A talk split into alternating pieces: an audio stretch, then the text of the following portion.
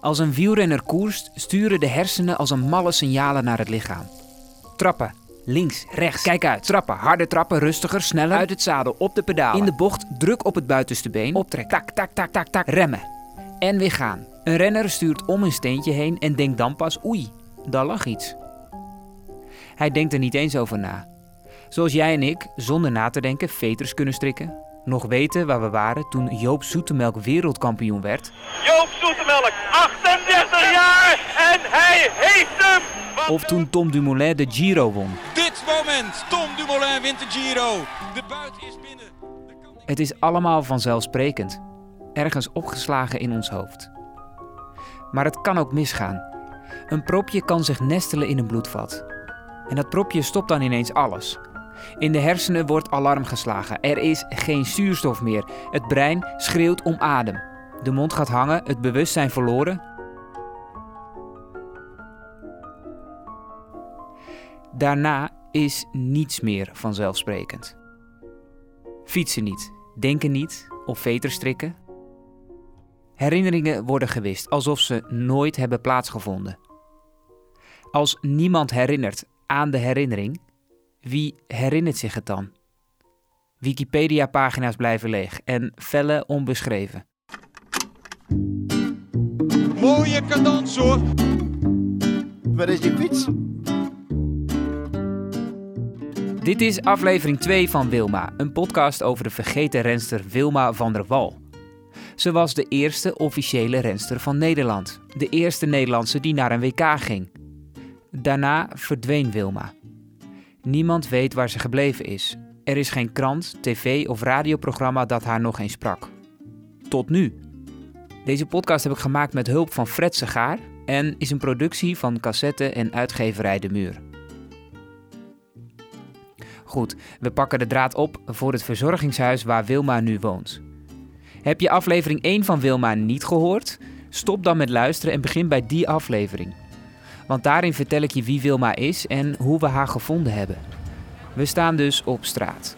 Een grote man staat op mij en Fred te wachten. Nou ja, of eigenlijk alleen op mij, want Fred was wel op tijd.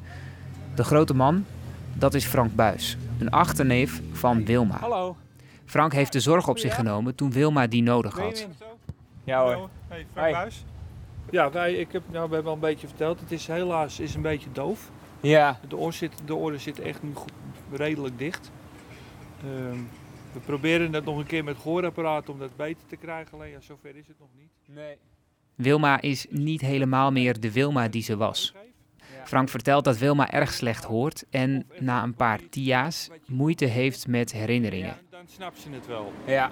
Eh, ze is niet altijd 100% even bij. Omdat ze toch een, eh, een tik heeft gehad van die, eh, ja, van, die, van die beroerte, zeg maar, die ze gehad heeft. Ja. Fred en ik lopen achter Frank aan.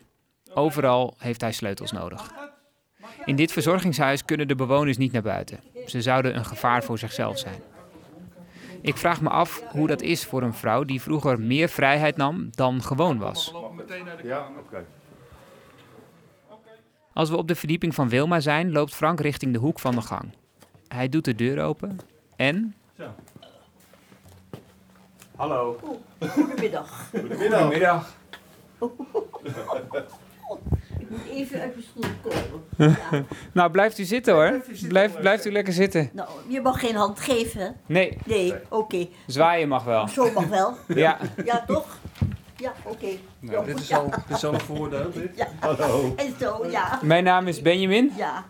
Dat Nou verstaat ja, ze niet. gaat het praten echt gaat het minder goed natuurlijk, hè. Geen handen, want dit interview nemen we op in coronatijd. Daar zit ze. De vrouw naar wie Fred en ik maanden op zoek zijn geweest. We hadden de hoop al een beetje opgegeven en nu staan we oog in oog met een pionier in de Nederlandse wielersport. Ze is 88 jaar oud. Ze kijkt nog altijd scherp uit haar ogen en ze fietst nog steeds. Het enige voordeel dat dit hokje heeft, is dat de hele dag de zon erin staat. Nou, dat, eh, dat vind ik wel, dat, dat is wel prettig. Ik, ik, ik doe eigenlijk niks. Ja, fietsen. Ja, ja, ja. Ja, gelukkig, ja. Ja, ja beneden in, in dit gebouw, daar is een, eh, een, eh, daar staat een, een, een, een ja, een, wat voor een fiets. Een, nou ja, goed. Een, hoe noem je die fiets? Een gewone, Fysiofiets, zeg maar. wat? Een fysiofiets. Ja, ja. En dat heeft. eh, eerst ging ik er één keer naartoe. Maar Frank heeft ervoor gezorgd dat ik twee keer in de week daar, daar naartoe kan. En dat, is- dat, dat is heerlijk. Potverdikke me nog een toe. Het is in ieder geval iets wat, wat je interesseert, hè? Wilma praat in flarden en ze verstaat bijna niets. Maar de herinnering aan vroeger is er nog steeds. Het moet begin jaren 50 zijn geweest dat Wilma voor het eerst op een racefiets zat. 70 jaar geleden dus. Maar Wilma weet het nog precies. Ik heb namelijk de, de eerste racefiets die ik kocht, was in de Frederik Hendrikstraat bij. God, hoe heette die man ook weer? Weet ik niet. In ieder geval in de, in de, in de Frederik Hendrikstraat. Er was een, een fietsenwinkel en die verkocht racefietsen. En eh, daar heb ik mijn eerste racefiets gekocht. Maar die was veel te groot. ja, ja, ja dat, dat was de maat niet. Ik, ik, moest een, eh, ik had naderhand... Kent u de naam Bustraan? Ja, nou kijk, daar heb ik dus naderhand heb ik daar mijn fiets gekocht. En eh, eh, op maat en... en, en ehm, eh, Op een briefje schrijven Fred en ik vragen. Soms komt er iets, Ik had een... een, een ehm, soms komt er niets. Eh, Dan is het weg en komt de herinnering ook niet meer terug. oh ja, wat herinnert u van het WK van Rijms? We hopen natuurlijk dat Wilma ons iets kan vertellen over dat historische WK van 1958. Het eerste WK ooit. Oh ja, oh nou goed, het begin. Ja, dat. eh, eh, je werd. we werden allemaal. Eh, de namen werden ge- genoemd natuurlijk, en werden, werden, werden opgeschreven. En, en dat. eh, ehm, want ja, het was niet alleen ik natuurlijk. Dat, dat, er waren een heleboel landen die al toen al mee- meededen. Ja, ja.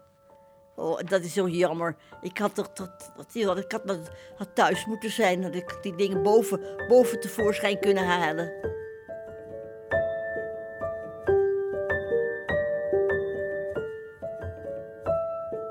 Dat zegt Wilma steeds. Ik had thuis moeten zijn, want thuis, daar liggen al mijn spullen. Thuis is aan de Slaatuinenweg in Amsterdam. Daar heeft ze bijna haar hele leven gewoond. Eerst met haar man Abdel en daarna alleen. Tot het niet meer ging. Van wat ik me kan herinneren, wonen ze daar.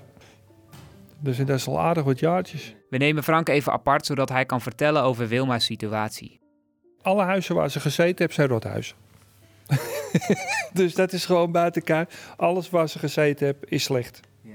Eh, ze zegt, ik heb een eigen huis en daar wil ik naartoe. Alle verzorgingshuizen zijn slecht. Ze wil thuis zijn. Maar dat gaat niet meer. Na mijn werk ging ik steeds naar haar toe om er eh, eten te, te kopen voor haar. Eh, we hebben spulletjes, als ze wat nodig hadden, dan deden wij dat. Of we namen er mee. En het werd steeds slechter met haar. Eh, en toen woonde ze nog thuis. Ja, op de eigen huis had ze. Ehm, en toen ging dat steeds slechter met haar.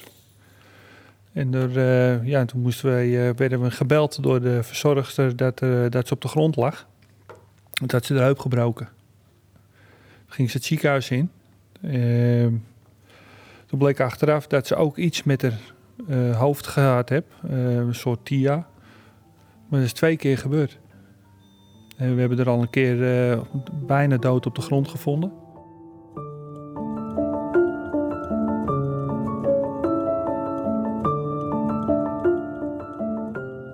Is, is demonterend. Alleen dat was in het begin een heel klein beetje. En dat wordt nu alleen maar erger. Eh, en daar is nu de borstkanker bijgekomen. En daar krijgt ze dus nu medicijnen voor, want ze wil niet meer geopereerd worden. Dat overleeft ze ook niet. En ze zegt ook als ik een hartaanval krijg, niet reanimeren. Want pertinent niet. Wilma is niet meer de Wilma die ze was. Nou ja, deels, want het venijn, het temperament dat je nu in haar ogen ziet, dat was er vroeger ook al. Het was een feministe. Echt een feministe. De mannen hadden het moeilijk met haar. De eigen man ook. Ja. Ja. Dus ze was echt een taaie tante. Eh zij had de broek aan. Ja? Ja. Hoe, zag dat eruit, zeg maar? Ja, nee, als ze gewoon als ze met z'n tweeën een beetje woorden hadden, momen en de tante. En eh, normaal spraken ze Nederlands. En als ze ruzie hadden, spraken ze Frans. En dan konden we het niet horen. Wat ze zeiden. Dus, eh, en het was best wel heftig af en toe. Ja. Nee, en dat was wel eens af en toe lachen. De wist dat zodra ze Frans gingen spreken, dan was het gewoon, nou, die hebben woorden met elkaar. ja. En mijn oom die was heel rustig en eh, meegaand altijd. En die vond het allemaal wel goed. Die oom, dat is dus Abdel. Hij kwam uit Tunesië en ontmoette Wilma in Parijs. Abdel en Wilma houden elkaar in evenwicht. Het temperament van Wilma wordt opgevangen door de rust van Abdel. Als klein jochie was ik echt bang voor die man. Want het was echt, hij was gitzwart met het donkerzwarte haar. En ik denk, goh, wat vreselijk. Maar eh, dat, dat was een schat van een man. Echt een schat van een kerel. Ze waren op een cruise naar de, de- in Noorwegen. En daar heeft hij een, soort, ja, iets met zijn hart gekregen. En dat is niet meer goed gekomen. Dus ik denk dat het hartblaasje ge- gesprongen is.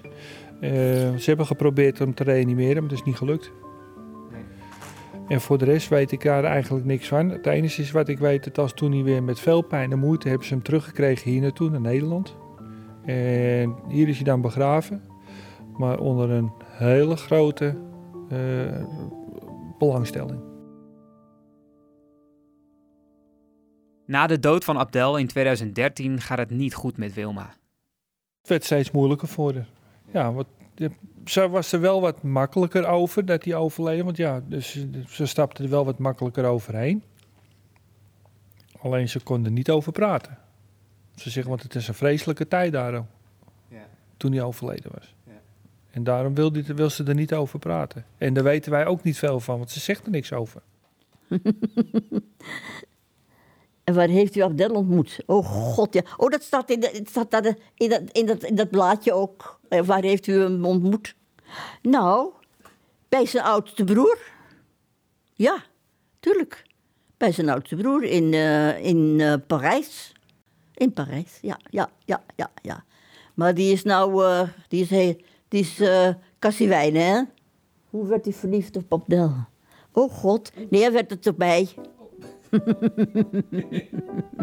Ja, echt. En daarom w- w- kwam je ook gedeel- gedeeltelijk in Amsterdam terecht. Ja, ja, ik ben er nog hoor. Hoe ging dat? Wat? Dat Abdel verliefd op u werd. Oh god, ga je uit. Dat was. dat- dan doen ze de gekste dingen. Oh, wat hij ging doen, dat was aan mijn tenen kluiven. Ja, echt. Hij ging aan mijn tenen kluiven. Nou. En eh, ik dacht, wat, wat doet die idioot?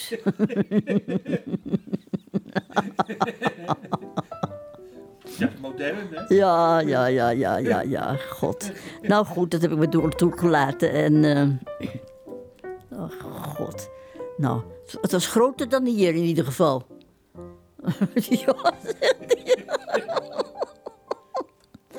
ja, ja. Ik af en toe dan, dan denk ik, eh, eh, dan ga ik even lopen. Oh, waarom doe je dat, idioot? Lopen hier. Wat moet ik nou? Nou, van die kast naar het raam, Ja, hier binnen. van het raam naar de kast en dat is alles. Hoop je al. Nou, nou, nou, nou, nou, nou, daar schiet ik lekker mee op, zeg. Tja, dat rothuis. Terwijl we met Wilma over vroeger praten, haal ik er een foto bij uit haar wielertijd. Een jonge Wilma zit op de fiets en kijkt helder de camera in. Aan haar ogen van nu zie je meteen dat dit Wilma is. We zitten nog steeds met z'n drieën om haar heen. Wilma in het midden. De blonde lokken zijn intussen lichtgrijs, maar ze wapperen nog steeds als Wilma haar hoofd draait. We hebben de foto en de artikelen meegenomen. Op 88-jarige leeftijd leest ze nog zonder bril. Oh, wat, gro- wat een mooie foto. Ja, hij is mooier dan de echte. Ja? Ja, echt. Ja, want ik, ik, ik heb hem. Nee, ik heb hem daar niet. Ja, de toeclips. Dat hebben ze ook niet meer, hè?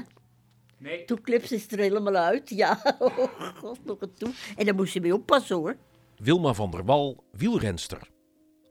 22 maart 1958, het Vrije Volk. Wilt u het hardop lezen? Oh, dit, dit, wat. Oh ja, natuurlijk. Ja. Oh ja. Oh. Een wilderige, helblonde haardos, uitwaaierend over een felgroene trui, tien slanke vingers roffelend op de toetsen van haar zwaar kaliber schrijfmachine. Dat is Wilma van der Wal. Een rank figuurtje in trainingspak op een racefiets.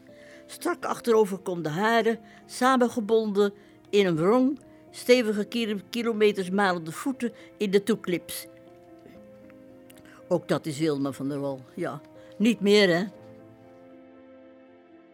We, het typen doet ze al jaartjes langer dan fietsen.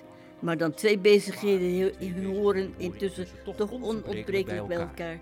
Wat ze met typen verdient, gaat voor een belangrijk deel op aan het fietsen. Wilma heeft immers al twee racefietsen moeten kopen. Eén voor de weg en één voor de baan. Maar de baan, daar had ik een rothekel aan. Daar ben ik een keertje afgedonderd. In Gent. Gent, daar kent u die, die wielerbaan, hè?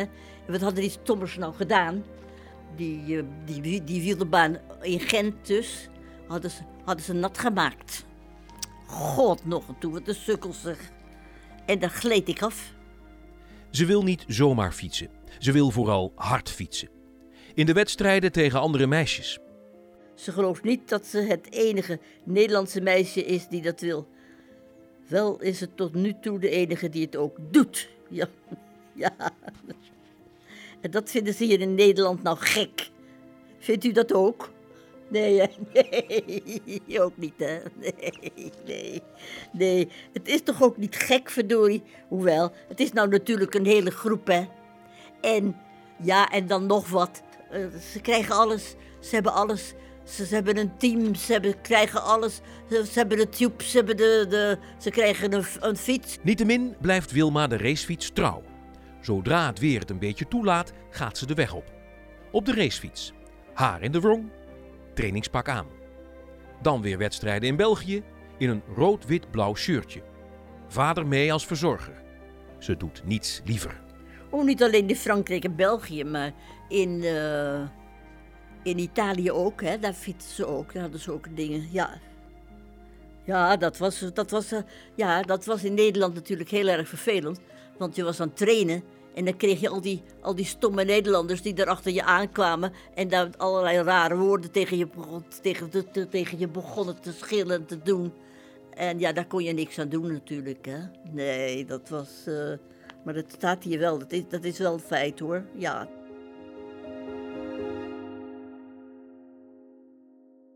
Wilma deed in ieder geval twee keer mee aan het WK. In 1958 werd ze laatste en in 1959 was ze zestiende. De stukjes informatie over haar leven op en naast de fiets komen langzaam bij elkaar. Toch blijft het een klein raadsel hoe ze op het idee kwam te gaan fietsen, terwijl geen vrouw in Nederland dat deed. Oh ja, bent u begonnen met fietsen? Oh god, nou. Ja. Kijk, ik was altijd dol op, op, op, op fietsen. En dan gingen we naar wielerwedstrijden kijken. En, ehm eh, En dat gebeurt vaker. Wilma weet gewoon niet alles meer. Maar gelukkig vullen de artikelen van toen aan. Amsterdam, 2 augustus. Een verslag van Dick Arissen voor het Parool. Wilma van der Wal werd gegrepen door de wielersport. Dat proces voltrok zich in de zomer van 53. Ze was toen met vriendinnen op vakantie in Frankrijk. Welzeker, met de fiets. In een voorstadje van Parijs zagen zij een wielerwedstrijd voor dames. Ongeveer 30 vrouwelijke coureurs hadden het rijwiel bestegen en een paar uur zo veelvuldig gedemareerd dat Wilma en vriendinnen er compleet van ondersteboven waren. Wilma ging dat jaar opnieuw naar Frankrijk. Ze kwam net van de Mulot en had een echte racefiets gekocht. De eerste de beste fiets uit de etalage. Voor een goede zit eigenlijk veel te groot, maar de rijwielhandelaar had er dan ook geen adviezen bij gegeven. Misschien dacht hij dat de fiets voor een familielid bestemd was. In ieder geval, op die te grote fiets reed Wilma van der Wal in 1954 twee wedstrijden in Frankrijk. Ze eindigde niet op de ereplaatsen. Vergeet u niet, het dameswielrennen staat in Frankrijk op een zeer hoog niveau. nee, de KN van de KNW kreeg ik geen licentie, hè?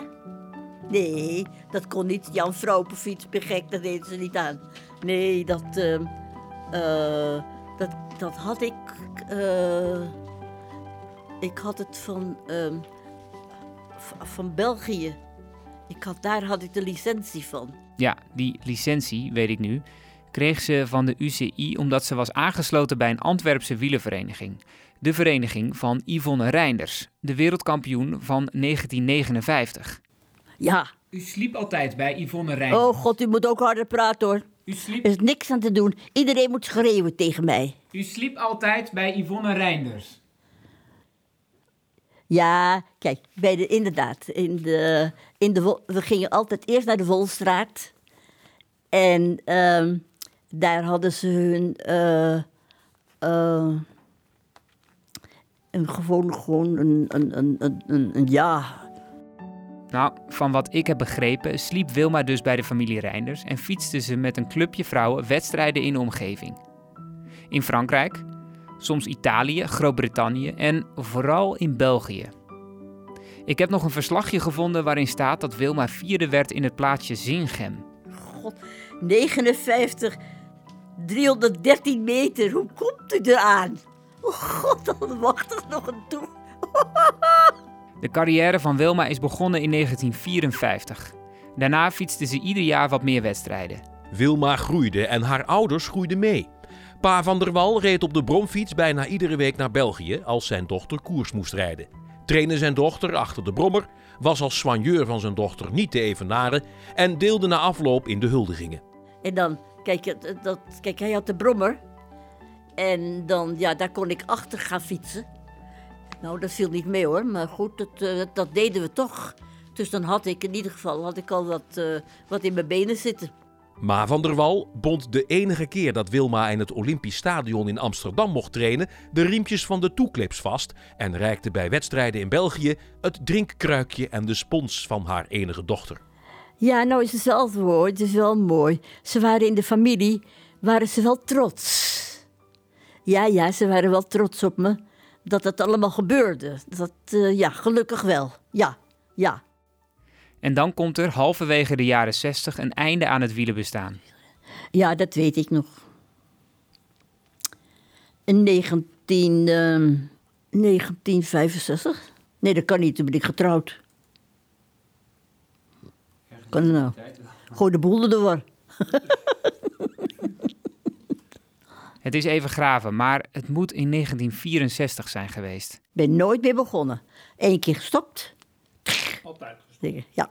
Toen ontmoette Wilma Abdel en in 1965 trouwden ze. ja, goed, en Abdel, dat was helemaal geen, eh, geen hardfietser. Er was niks. Nee. Nee, die kon niet zo goed fietsen. Nee. Hij kwam de berg niet op. Nee, zeker niet. Oh god, nee. Nee, want dan ging ik, ging ik, ging ik, ging ik, eh, ging ik vooruit. En dan zei ik, eh, nou, wie het eerste boven is? Nou zeg, dat zat er niet in, hè. Nee, ja, dat zat er niet in. Nee, dat was niet... eh, en dat beviel meneer niet. ja, echt. Ja, ja, ja. Vond u dat jammer? Nee. Nee, helemaal niet jammer. Ja. En dan had hij zo'n eh, zo'n rare fiets, zo'n... eh, Zo'n vouwfiets. nee, geen vouwfiets. Zei je dat? Ja. Goh, ik verstond het.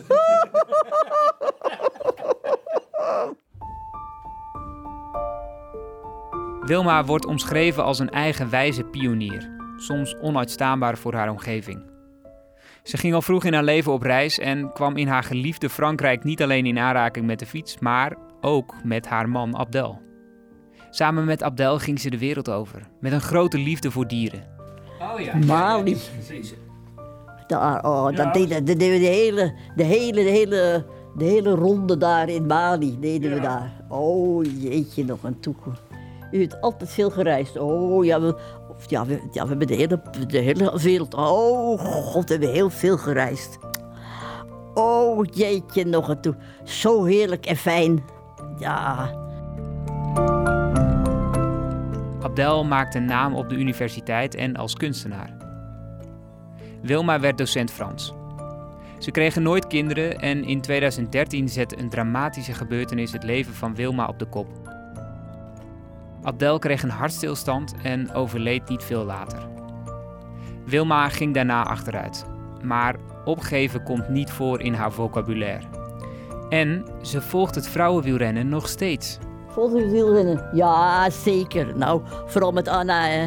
Ja, Anna van der Breggen. Oh, dat is een goeie, hè. Oh, jeetje, nog, nog. ik heb het daar liggen. Ja, ja, ja, absoluut, ja. Ik bedoel, dat mens dat kan zo goed fietsen.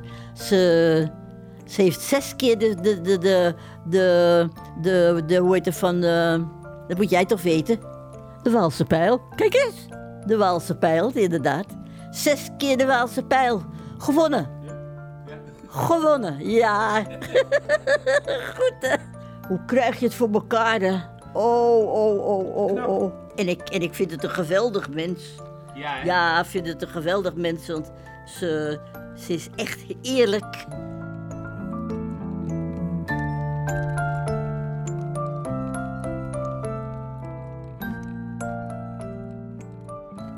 Ik ben opnieuw bij Wilma.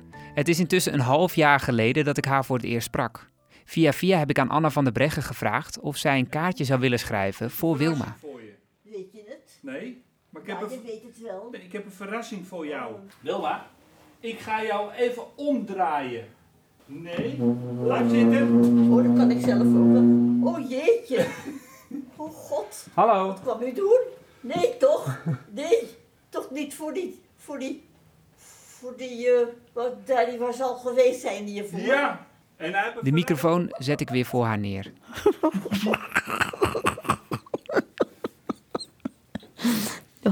En dan Zo. geef ik haar het kaartje. Een, een, een, een- Ja, kijk eens, wat staat hier?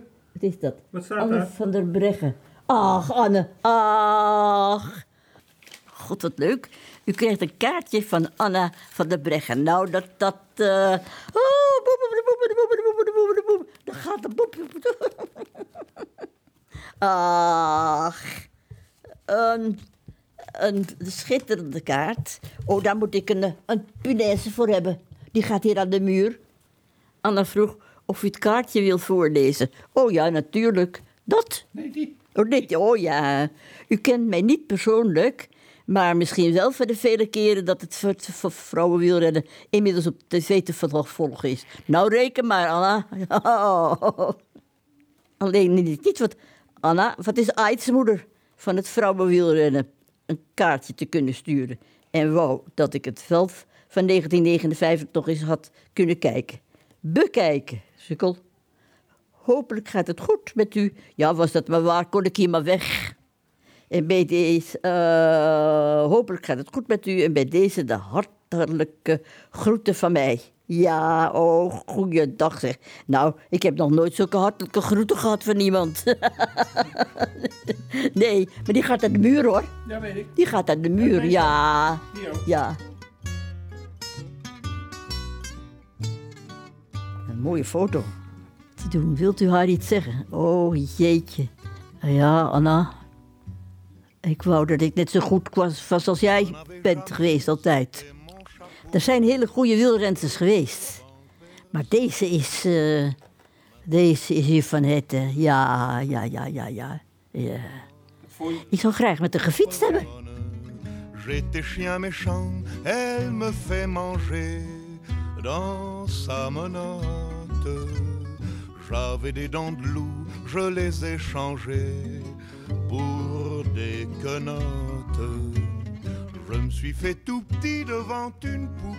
Dit was Wilma, een podcast over de aartsmoeder van het Nederlandse wielrennen, zoals Anna schreef.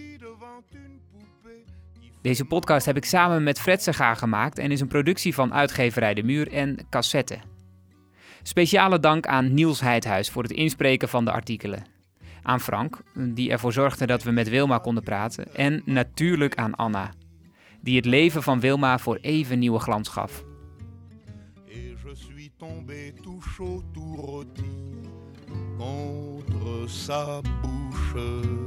Qui a des dents de lait quand elle sourit, quand elle chante et des dents de loup quand elle Dus ik komt uit Zolder.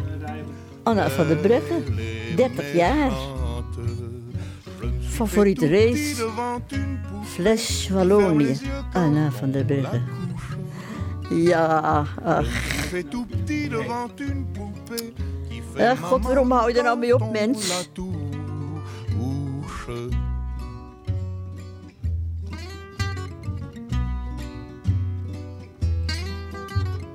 Je subis sa loi, je file tout doux sous son empire, bien qu'elle soit jalouse au-delà de tout, et même pire. Je me suis fait tout petit devant une poupée qui ferme les yeux quand on la couche. Je me suis fait tout petit devant une poupée qui fait maman quand on la touche.